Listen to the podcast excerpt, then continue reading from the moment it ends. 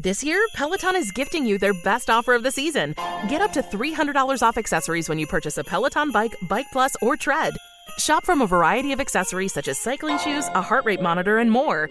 Whether you have 10 minutes to spare for a strength class or 30 minutes for a running or cycling class, there's a workout that works for you with music that is truly iconic.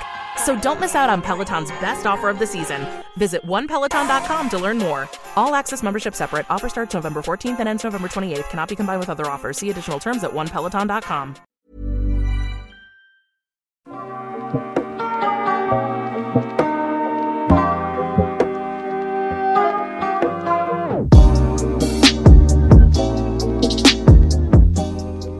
Hi, my name is Zach, and together with Wikipedia, I'll help you fall asleep. Get cozy and relax. I'll read out loud to you. Today, superstition. Understanding the physical world.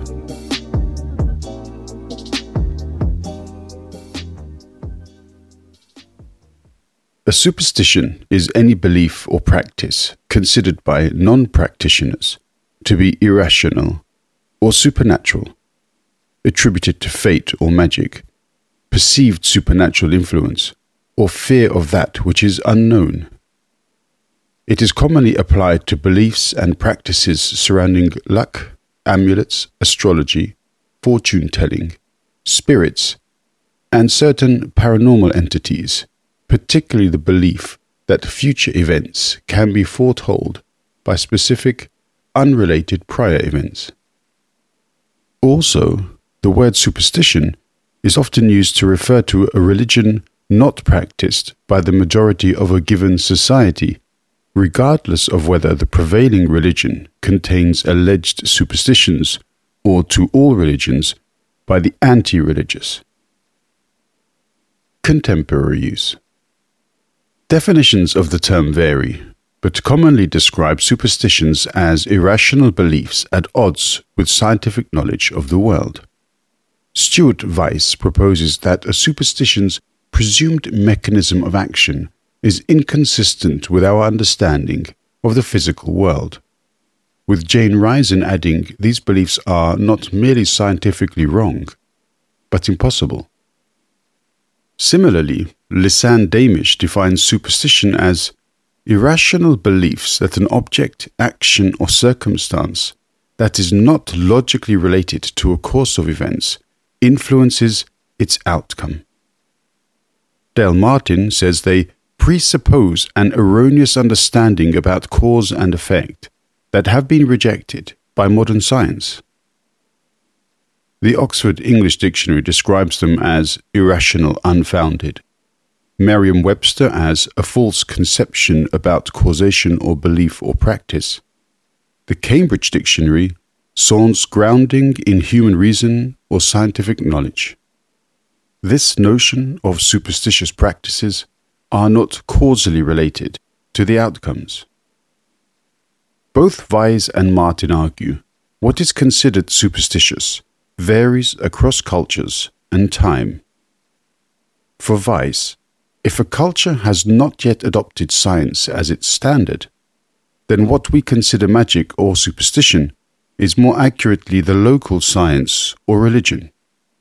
Dale points out that superstitions are often considered as out of place in modern times, influenced by modern science and its notions of what is rational or irrational, surviving as remnants of older popular beliefs and practices. Vyse proposes that in addition to being irrational and culturally dependent, superstitions have to be instrumental. An actual effect is expected by the person holding a belief, such as increased odds of winning a prize.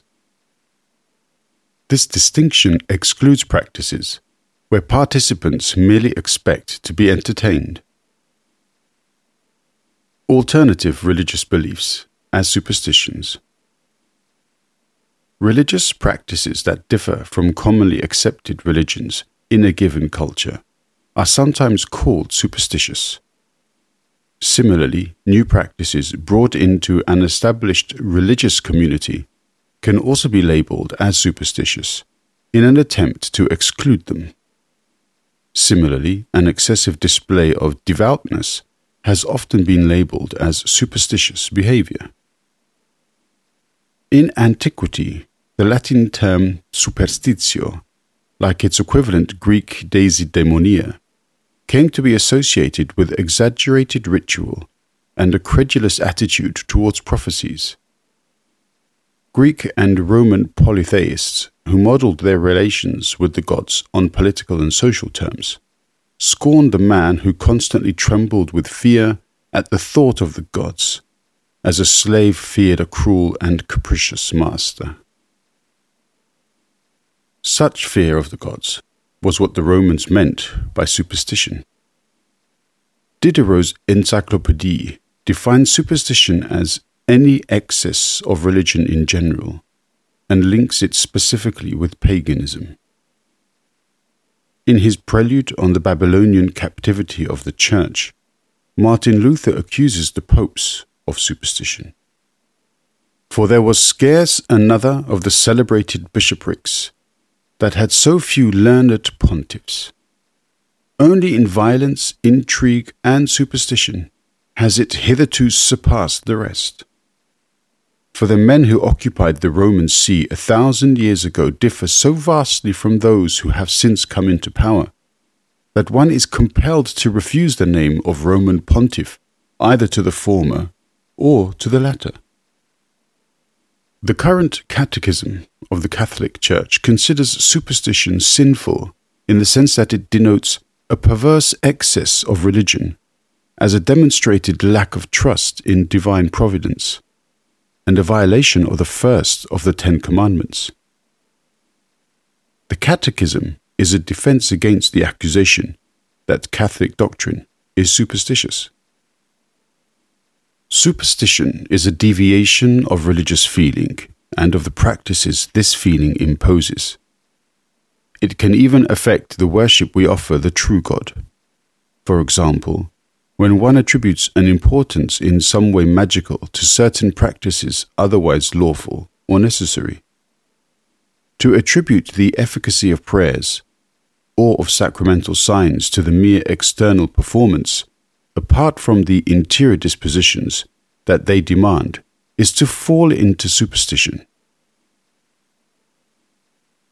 Classifications Dieter Harmening's book Superstitio categorizes superstitions in three categories of magic, divination, and observances. He further divides observances category in signs and time. Time subcategory constitutes temporal prognostics like observances of various days, related like dog days, Egyptian days, year prognosis, and lunaries, whereas signs category constitutes signs like particular animal behaviors, like the call of birds, or neighing of horses, or sighting of comets, or dreams. According to Laszlo Sándor Chardonnens, the signs subcategory usually needs an observer who might help in interpreting the signs, and such observer does not need necessarily to be an active participant of the observation. According to Chardonnens, category of divination participant need to go beyond mere observation and need to be active participant in given action. Examples of divination superstitions are judicial astrology, necromancy, haruspex, lot casting, geomancy, aeromancy, and prophecy. Chardonnens says superstitions belonging to magic category are exceedingly hermetical and ritualistic, and its examples are witchcraft, potions, incantations, amulets, etc. Chardonnens says observation category needs an observer, divination category needs participant to tell what is to be observed, whereas magic requires a participant who must follow a protocol to influence the future, and that these three types of superstition need increasing stages of participation and knowledge. Chardonnens defines prognostication as that component of superstition which, expects knowledge of the future on systematic application of given ritual and order, and moves to classify saying. Prognostication appeared to occupy a place somewhere between observation and divination, of which, due to the primacy of temporal prognostics, the observation of times is represented most frequently. Chardonnens classifies prophecy under topic of divination, examples being the prophets of the Old Testament, biblical typological allegory, the 15 signs before Judgment Day, and the many prophecies expressed by saints. Chardonnens further points out that since many aspects of religious experience are tied up with prophecy, Church condones the same. Chardonnens says one could differentiate between those kinds of prophecy which are 1. inspired by God or Satan and their minions, 2. Gisindelic, and 3. Wicklung, examples, lacking divine or infernal inspiration and not Gisindelic either. But practically, however, most, if not all, words relating to prophecy ought to be interpreted as inspired. Criticism Identifying something as superstition is generally pejorative. Items referred to as such in common parlance are commonly referred to as folk belief in folkloristics. According to Laszlo Sandor Chardonnens, OED definitions pass value judgment and attribution to fear and ignorance do not do enough justice to elaborate systems of superstitions. Chardonnens says the religious element in OED denotations are not understood as a system of observance and testifies to a belief in higher power on part of the compiler of the dictionary. Subjective perceptions. Webster's The Encyclopedia of Superstitions points out that many superstitions are related with religion People have been carrying individual subjective perceptions vis a vis superstitions against one another. People of one belief are likely to call people of another belief superstitious. Constantine regarded paganism as a superstition. Tacitus, on the other hand, regarded Christianity as pernicious superstition. Saul of Tarsus and Martin Luther perceived anything that was not centered on Christ to be superstitious. According to Dale, difference of opinion on what constitutes superstition gets apparent when one moves from one culture to another culture.